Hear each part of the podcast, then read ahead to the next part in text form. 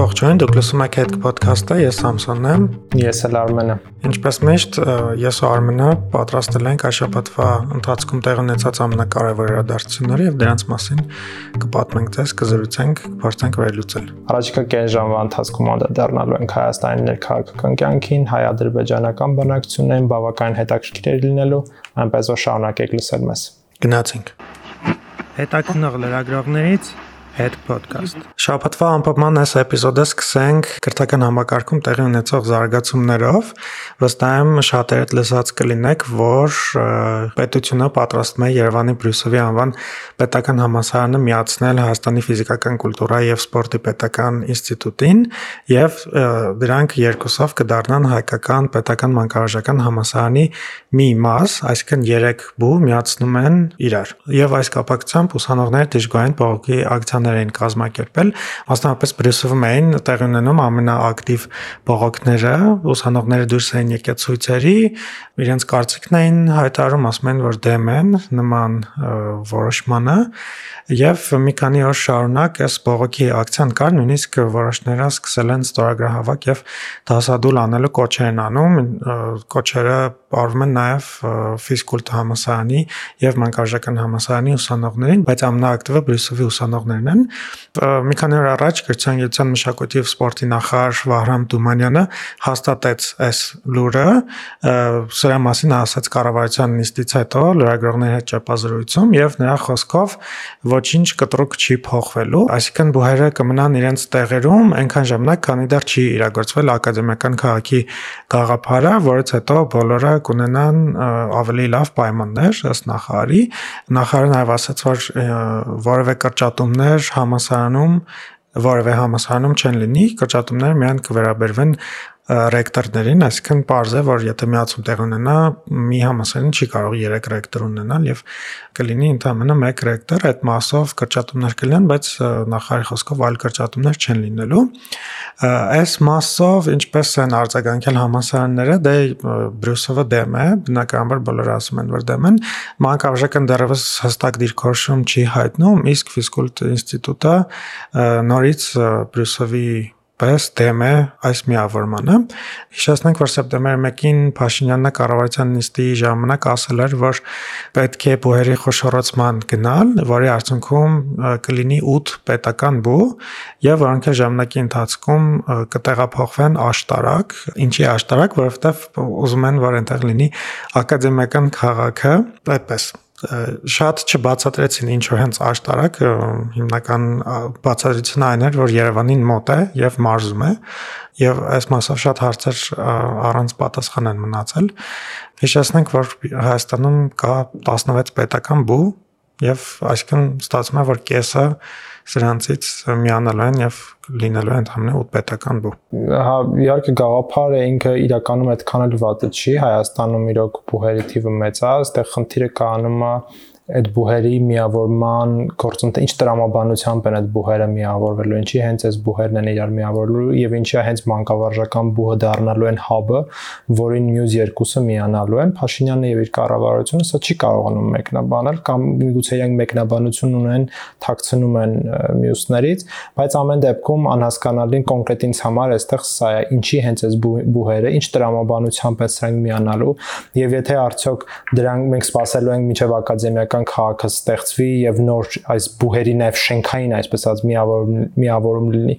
ինչ իմաստ ունի հենց հիմա այդ գործընթացն անելը ստացվում է որ միայն մի մարդու մենակ ռեկտորներին ենք մենք հեռացնում աշխատանքից եւ մնացած բոլոր պաշտոնյաները կամ լավ գումարած նաեւ պրոռեկտորներին եւ ստացվում է որ մնացած բոլոր պաշտոնյաները շարունակելու են աշխատել հետեւաբար ինչու չենք սպասում որ այդ ակադեմիական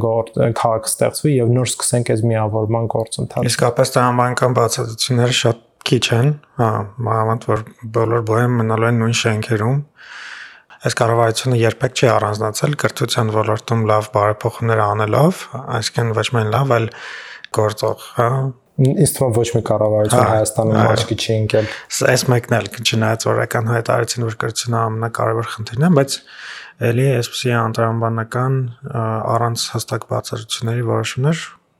տեսնենք։ Գիտեք, որ ցանկացած նման sense թեմայ է լինում, մի անգամից համացանցում սկսում են տարածվել թե ով այդ շենքը սեփականաշնորելու, մանցնելու այս կամ այն բուհի շենքը կհիշես մի քանի տարի առաջ ԵՊՀ-ի նաև շենքի մասով էր խոսակցություն գնում ու արդեն բոլորը պատկերացնում են, որ ԵՊՀ-ի մասնաշենքը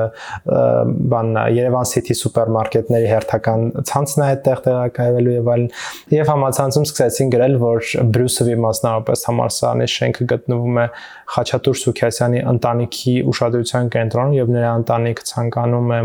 ձեռք բերել այդ շենքը ավելի ուշ իհարկե նրանց մամուլի խոսնակը հերքեց որ նրանք ոչ միայն չեն ուզում դա ձեռք բերել այլ նաեւ ապագայում եւս դրա միտում չունեն բայց ամեն դեպքում մի քանի դեռ բացատրություն չկա, քանի դեռ կառավարությունը չի ասում տրամաբանությունը, նման շշուկներ, նման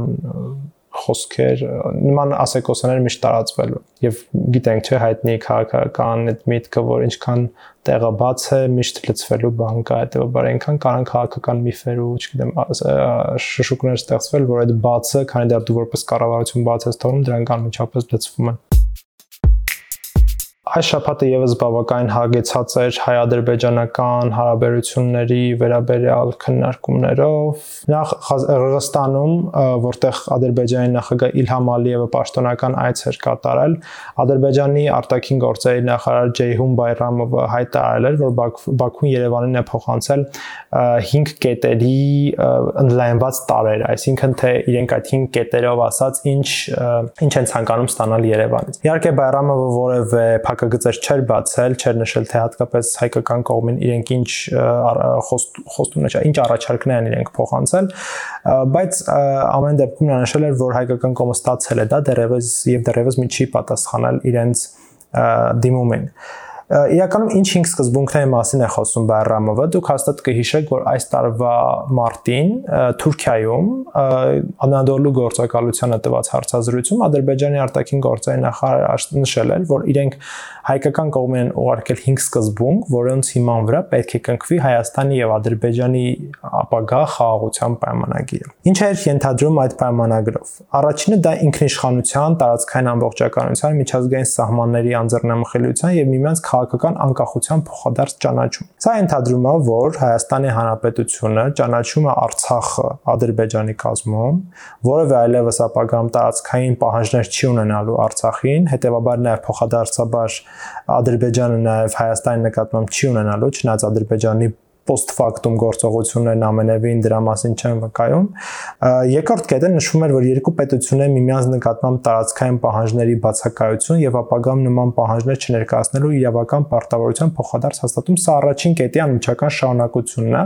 երբ որ իրավաբանորեն իրենք պայմանագրում հստակ նշում են, որ միմյանց նկատմամբ տարածքային որևէ պահանջ չունեն։ Երրորդ կետը ձեռնպահ մնալ միջպետական հարաբերությունը միմյանց անվտանգությանը սպառնալիք ներկայացնելուց քաղաքական անկախության եւ տարածքային ամբողջականության դեմ սպառնալիքներ եւ ուշ կիրառելուց Ադրբեջանի ամբողջ ասած առաջարկը կառուցված է տարածքային ամբողջականության շուրջ, որովհետեւ Ղարաբաղյան բանակցություններում իրենք տարիներ շարունակ հենց տարածքային ամբողջականության թեզն են առաջ քաշել եւ հիմա նշում են որ տարածքային ամբողջականության որևէ, այսպես ասած, պահանջ եւ որևէ անգամ ռազմական ճանապարհով Հայաստանը չի կարող իրականացնել պետական սահմանի սահմանազատում եւ սահմանագծում, դիվանագիտական հարաբերությունների հաստատում։ Եվ վերջին կետը, որ Ադրբեջանն առաջ էր քաշում, դա տրանսպորտի եւ հաղորդակցությունների բացումներ, սա ամրագրված է նաեւ երակողմ հայտարարությամբ, որը կնքվել է նոյեմբերի 9-ին, սա նշանակում է, որ նախ եւ առաջ Ադրբեջանը կարողանում է Հայաստանի տարածքով ցամաքային կապ ունենալ Նախիջևանի հետ, իդեպ այս կետում իրենք միջանցք բառը չեն նշել։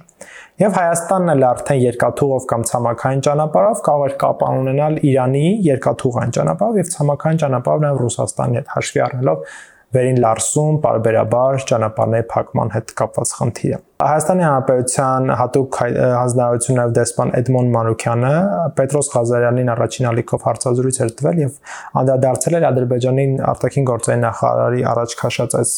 կետերին եւ նշել էր, որ Հայաստանը 6 կետանոց պատասխան է ուղարկել Բայրամովին։ Առաջին կետում նշվում էր, որ իրենք ստացել են ադրբեջանական կողմի այդ ուղարկած առաջարկները։ Երկրորդ կետով նշվում էր, որ Հայաստանի Հանրապետությունը երբեք չի ունեցել եւ չունի տարածքային պահանջներ Ադրբեջանի նկատմամբ հայկական կողմի համար հիմնարար էին նաև Լեռնային Ղարաբաղի հայերի անվտանգության երաշխավորման, նրանց իրավունքներն ու ազատությունների հարգումը, ինչպես նաև Լեռնային Ղարաբաղի վերջնական կարգավիճակի որոշման հարցերը։ Այստեղ մեղը ի վերջին կետն է, որովհետև թերևս սա վերջին անգամ էր, որ հայկական կողմը սկսեց խոսել Լեռնային Ղարաբաղի վերջնական կարգավիճակի մասին։ Վերջին մի քանի ամիսների բանակցություններում կարծես հայկական կողմն այլևս կարգավիճակի մասին չի խոսում, թվում է թե բանակցությունների ժամանակ հայերն ու ադրբեջանցիները, նույն կառավարությունները որոշել են, որ վերջնական կարգավիճակի մասին պնդումը այլևս չի քննարկվում։ Դրա մասին են վկայում այն հանգամանքը, որ Փաշինյանն ասում է, որ մեխանիզմներ են մշակվում, որ Արցախի իշխանություններն ու Ադրբեջանի իշխանությունները ուղիղ կապի մեջ լինեն եւ փորձեն այդ արկա խնդիրները միմյանց հետ լուծել։ Սա թե որքանով կստացվի, ինձ թվում է բարդ չի գուշակելը հաշվի առնելով Ադրբեջանի ամբողջ նկարտումները Արցախի նկատմամբ։ Բացի այդ հայկական կողմը նաև նշում էր, որ պետք է անվերապահորեն պահվեն Երակոմ հայտարարության բոլոր կետերը, հատկապես գիշեր Երակոմ հայտարարության մեջ նշված էր, որ պետք է անմիջապես ազատ արձակվեն ռազմագերիները, բացվեն բոլոր տրանսպորտային հաղորդակցությունները, մինչև հիմա մենք դեռևս ռազմագերիներ ունենք, որոնք գտնվում են Արցախում, այդ թվում պատերազմի օրերին եւ պատերազմից հետո կհիշեք Խծաբերդի դեպքերը, դեռևս մենք ունենք ռազմագերիներ, որոնք շարունակում են մնալ Ադրբեջանում, իսկ գիտենք, որ տրանսպորտային հաղորդակցությունները երկու տարվա մեջ ընդհանրապես չեն բացվել Բայց այդ հայկական կողմը ինքը պատրաստ է սկսել բանակցություններ խաղաղության պայմանագրի շուրջ, այստեղ ասում են, որ հիմնվում են ՄԱԿ-ի կանոնադրության վրա եւ այլն, այսինքն Հայաստանը ամեն դեպքում չի հրաժարվում Ադրբեջանի հետ խաղաղության պայմանագրի կնքելուց եւ վերջին կետը, որ նշում են, որ բանակցությունների կազմակերպման համար հայկական կողմերը դիմել է ԵԱԿ Մինսկի խմբի համանախագահներին։ Համանախագահները գիտեք, որ Ռուսաստանը, Միացյալ Նահանգներն ու Ֆրանսիան են։ Չնայած այն հանգամանքի, որ ուկրաինական ճգնաժամի պատճառով նրանք գրեթե չեն շփվում եւ ավելին որպես այդպեսին Մինսկի խումբը հիմա հիմա պարալիզացված է եւ առանձին առանձին են իրենք հանդիպումներ ունենում, բայց ամեն դեպքում հայկական կողմը նշում է, որ Մինսկի խումբը գործում է, ի հակադրություն սրան Ադրբեջանն ասում է, որ կոնֆլիկտը լուծվել է, այլևս Ղարաբաղյան հիմնարար չկա եւ գոյություն չունի նաեւ հետեւաբար Մինսկի խումբ։ Իհարկե Մինսկի խմբի համանախագահ երկրները համաձայն չեն Ադրբեջանի այս պնդման հետ եւ փաստացի եւ իրավաբանորեն Մինսկի խումբը շարունակում է գործել։ Նաև Աստանայում այսօր կայացել էր Երակոմ հանդիպում, հայկական կողմի տարածած հաղորդագրության մեջ նշում էր, որ Արարատ Միրզյանը դարձյալ բարձրացրել է ռազմագերիների վերադարձի հարցը եւ նաև շեշտել, որ իրենք պատրաստ են բանակցությունների գործընթացի մեկնարկին։ Եվ գիշեք նաև մոտ մի շաբաթ առաջ մի հրապարակում էր եղել, որին անգամ օտարերկրյա պետությունների բավականին բարձրաստիճան պաշտոնյաներ էին անդրադարձել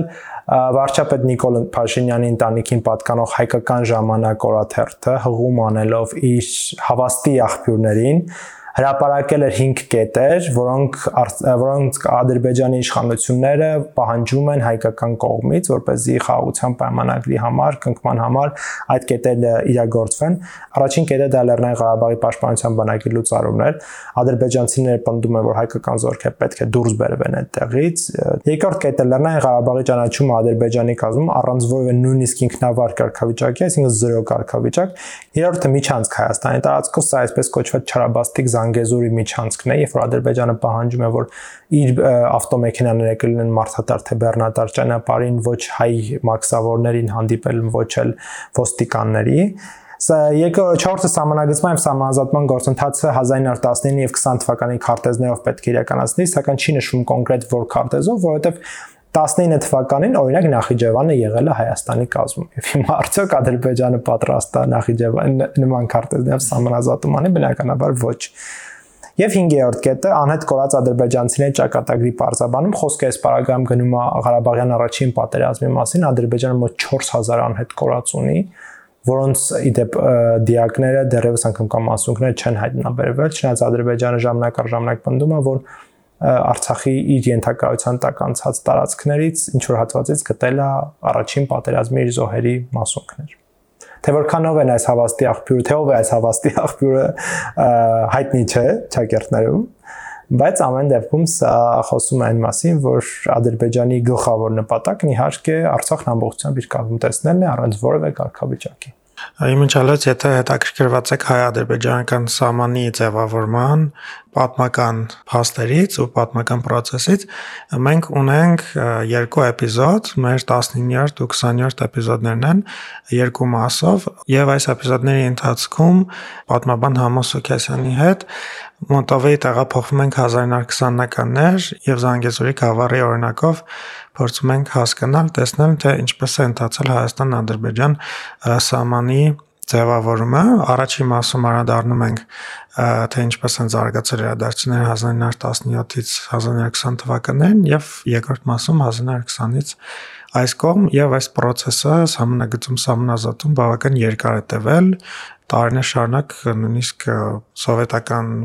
շրջանում հետաքրքիր որոշումներ են կայացել այս սահմանի վերաբերյալ, այնպես որ երբ որ Ադրբեջանի մասը պիտի նստենք ու միանգամից սահմանազատում սահմանագծում անենք, այդ այդքան հեշտ գործ չէ, բավական երկար ժամանակ է պահանջում ռեսուրս ու նաև կրեատիվ մոտեցումներ, ինչը կարծում եմ հիմա այդքան էլ չկա, ինչքան որ նախկինում էր, ամեն դեպքում կարող եք լսել մեր 19-րդ եւ 20-րդ էպիզոդները, շատ հետաքրքիր են, ես դրանք անելուց լիքը նոր բան եմ սովորել։ Մեր նախորդ էպիզոդում մենք կանխատեսել ենք, որ Հայաստան-Ադրբեջան խաղաղության հնարավոր խաղաղության պայմանագրի շուրջ քննարկումները շատ-շատ են լինելու մոտակա ժամանակները եւ հենց մի շաբաթ անց տեսնում ենք, որ գլխավոր քաղաքական եւ աշխարհակաղակական թեման հա մեր տարածաշրջանում երևի թե այս հարցն է եւ այս հարցի նաեւ անդրադարձել է անվտանգության խորհրդի քարտուղար Արմեն Գրիգորյանը ու հանրային հեռուստաընկերության եթերում հայտարարել է, որ հանդիպում է ունեցել ԱՄՆ ազգային անվտանգության հարցերով խորհրդական Ջեք Սալիվանի եւ Ադրբեջան նախագահ օգնական Հիկմետ Հաջիևի հետ ու քննարկել են խաղաղության պայմանագրի ժամանակացույցը, այսինքն սա նշանակում է, որ հարց չի կարող լինել կլինի խաղաղության պայմանագիր թե չի լինի, վստահաբար կլինի, քանի որ արդեն ժամանակահատուցն են քննարկում եւ այդ քննարկումների ընթացքում պայմանավորվել են, որ մինչեւ տարվա վերջ կնքելու են այդ պայմանագիրը եւ դելիմիտացիա են անելու սահմանը Արմեն Գրիգորյանը ասել է, որ դելիմիտացիան եւ խաղաղության պայմանագիրը փոխկապակցված են եւ Հայաստանի Հանրապետությունը մտավախություն ունի, որ խաղաղության պայմանագրից հետո Բաքուն այսպես կոչված չսահմանազատված սահմանի պատրվակով կարող է հարձակվել Հայաստանի վրա։ Արմենը երկու բառով նշեց, ԱԽ քարտուղարն էլ ասել է, որ 1929-ին Հայաստանի եւ Ադրբեջանի սահմանի դելիմիտացիայի գործընթաց է եղել, որն էլ որ կարելի է հիմք ընդունել ապահովելով Հայաստանի այդ 29800 քառակուսի կիլոմետր տարածքը եւ խոսելով կոմունիկացիաների բացման մասին Կիրկոյանը եւս շեշտել է որ միջանցքային տրամաբանությամբ որևէ հարց չի քննարկվելու Այս թեման մեր նախորդ էպիզոդներում շատ են քննարկել, Ադրբեջանը պահանջում է միջանցք բայց Հայաստանն էլ ասում է, որ դուք կարող եք օգտագործել մեր բոլոր ցամաքային տարածքները այդ կոմունիկացիոն կապերը հաստատելու համար։ Սրան նաև անդրադարձել է Թուրքիայի արտաքին գործերի նախարար Մևլութ Չավուշօղլուն եւ հայտարարել է, որ Ադրբեջանը եւ Հայաստանը պայմանավորվածություն են ձեռք բերել խաղաղության պայմանագրի սկզբունքային կետերի շուրջ եւ մնում է միայն դրանք իրագործել նա նաև մի հետաքրքիր եւ կարևոր բան է ասել,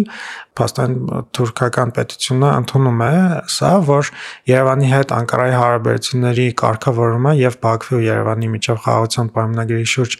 բանակցությունները չեն կարող միմյանցից անջատ լինել Չավշօղլուի խոսքով պաշտոնական Երևանի վրա ճնշումներ կան ինչպես երկրի ներսում, այնպես էլ հայկական սփյուռքի կողմից, նրա ասելով ինչ որ ուժեր կան Հայաստանում, որոնք որ չեն ցանկանում խաղաղության պայմանագրի կնքումը տեղի ունենա։ Խաղաղության պայմանագրին անդրադարձել է նաև ԱՄՆ պետքարտուղարության մամուլի խոսնակ Net Price-ը եւ ճեպազույցի ժամանակ հայտարարել է, որ Հայաստանի եւ Ադրբեջանի միջև խաղաղության բանակցությունները առաջնահերթ են մնալու ԱՄՆ-ի համար եւ նրանք իրենց ջանքերն են գործադրելու հարցը խաղաղ ճանապարհով լուծելու համար։ Այս ամենի ֆոնին մի հետաքրքիր բան էլ է տեղի ունենում։ Խոսքս Հայաստանի Հանրապետություն Արցախ կառավարությունների հարաբերությունների մասին է։ Երևանում տեղ ունեցավ վարչապետ Փաշինյանի ու Արցախ նախագահ Արայք Հարությունյանի հանդիպումը, բայց հանդիպման մասին վարչապետի կայքում համապատասխան հաղորդագրություն սկզբից չէր հրապարակվել, ինչպես սովորաբար լինում է պաշտոնական հանդիպումների կապակցությամբ եւ որևէ մանրամասներ այս հանդիպման մասին չեն հայտնում, միայն նկարն է հրապարակված եւ գիտենք, որ հանդիպել են, իսկ թե ինչ են քննարկել, որևէ պետական կառույց չի ասում, պետությունը որևէ ինֆորմացիա չի տալիս, կարող ենք միայն ենթադրենք, որ Արցախի նախագահը այստեղ է, որպեսզի Հայաստանի իշխանությունների հետ քննարկեն հետագա անելիքները կապված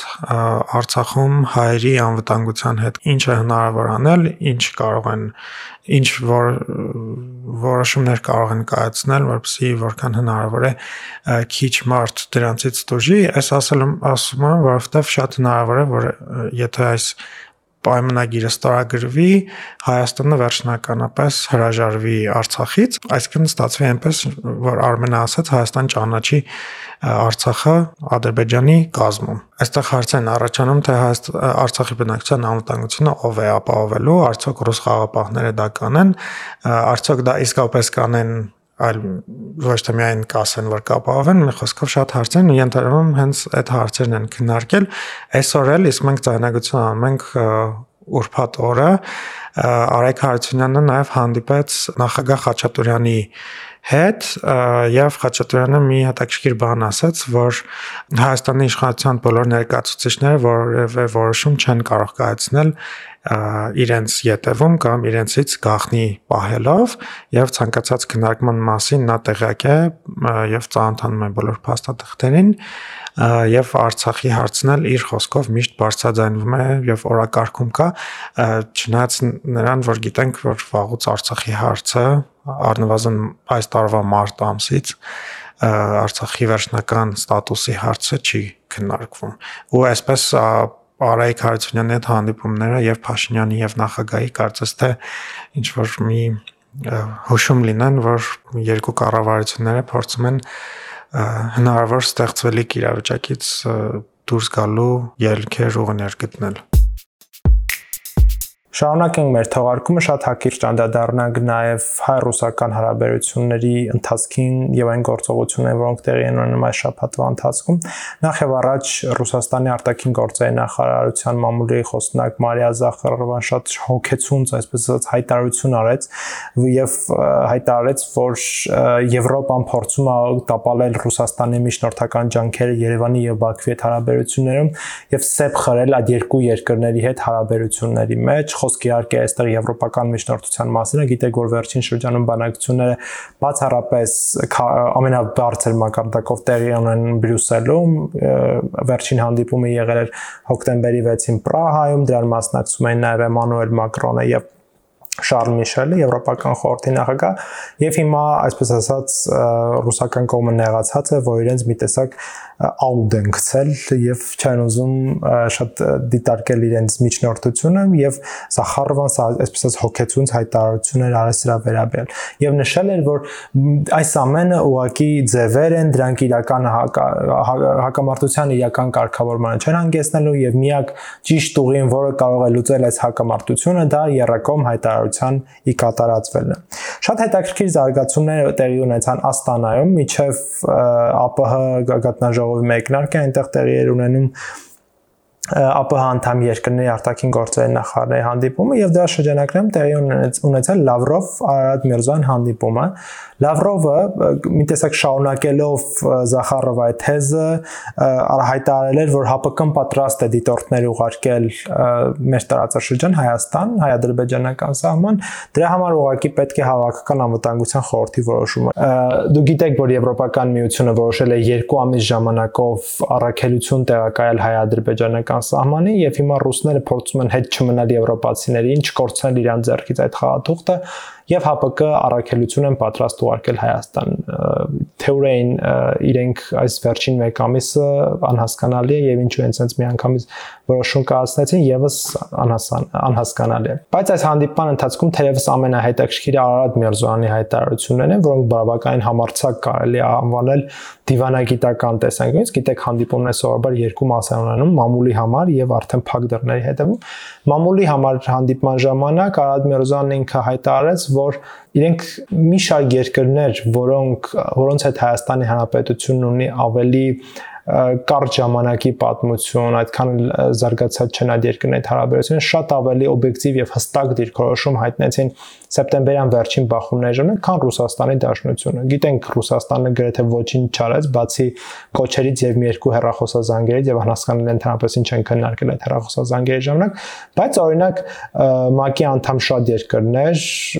այնպիսի երկրներ, որոնք անգամ Ղարաբաղյան հակամարտության հետ որևէ կապ չունեն, հստակորեն քննադատեցին եւ դատապարտեցին Ադրբեջանի սադրիչ գործողությունները։ Բացի այդ նաեւ Արադ Միրզյանը նշեց, որ իրենք ցանկանում են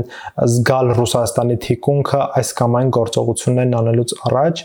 սա բավականին համարցակ հայտարարություն էր ես չեմ հիշում որ մեր արտաքին գործերի նախարարներից եւ որևէ մեկը նույնիսկ Արադ Միրզոյանը նախկինում այսպես մամուլի համար հատվածում նման հայտարարություններ աներ ինչը բավականին հետաքրքիր էր Ֆրանսիայի նախագահ Մակրոնը մեղադրել է ռուսներին Ադրբեջանի ու Թուրքիայի շահերին Լեռնային Ղարաբաղում աջակցելու եւ հայ-ադրբեջանական կոնֆլիկտի հրահրման մեջ։ Այսպեսի սուր հայտարարություն Ֆրանսիայի նախագահը արել է Ֆրանսիա 2 հեռուստաընկերությանը տված հարցազրույցում եւ ասել է, որ Ռուսաստանն օգտագործում է Ղարաբաղյան հակամարտությունը, որպեսզի ել ավելի սրի այնտեղ արկա լարված իրավիճակը։ Նա օրինակ էր բերել, որ այնտեղ 5000 ռուս զինվոր է տեղադրված, խաղապահ է տեղադրված, բայց ռուսական կողմը օգտագործում է այս հարամեկների պատմություն ունեցող հակամարտությունը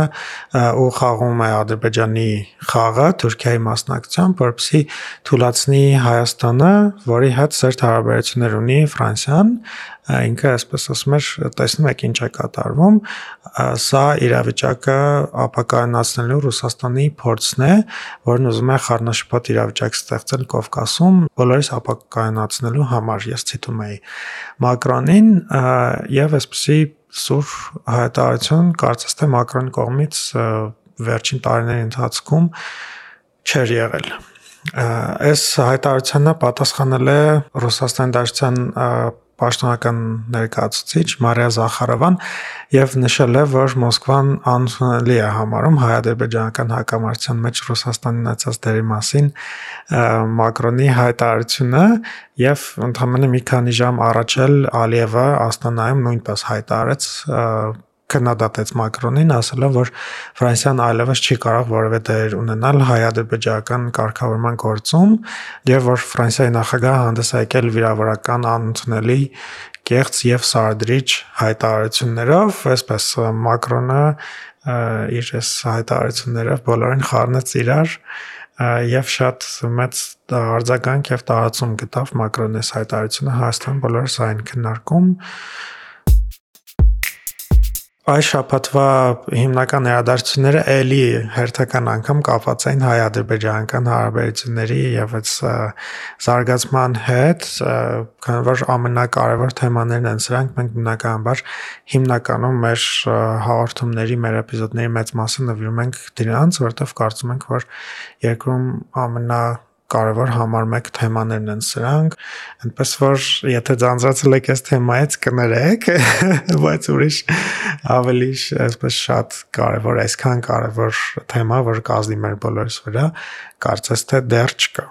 Հենց լինի դրա մասն եք խոսենք։ Դե մեր երկրի գլխավոր խնդիրը հիմա դա դրանից առավել կարևոր խնդիր է, սպահին չունենք, սա գոյապահպանման նաև հարց է եւ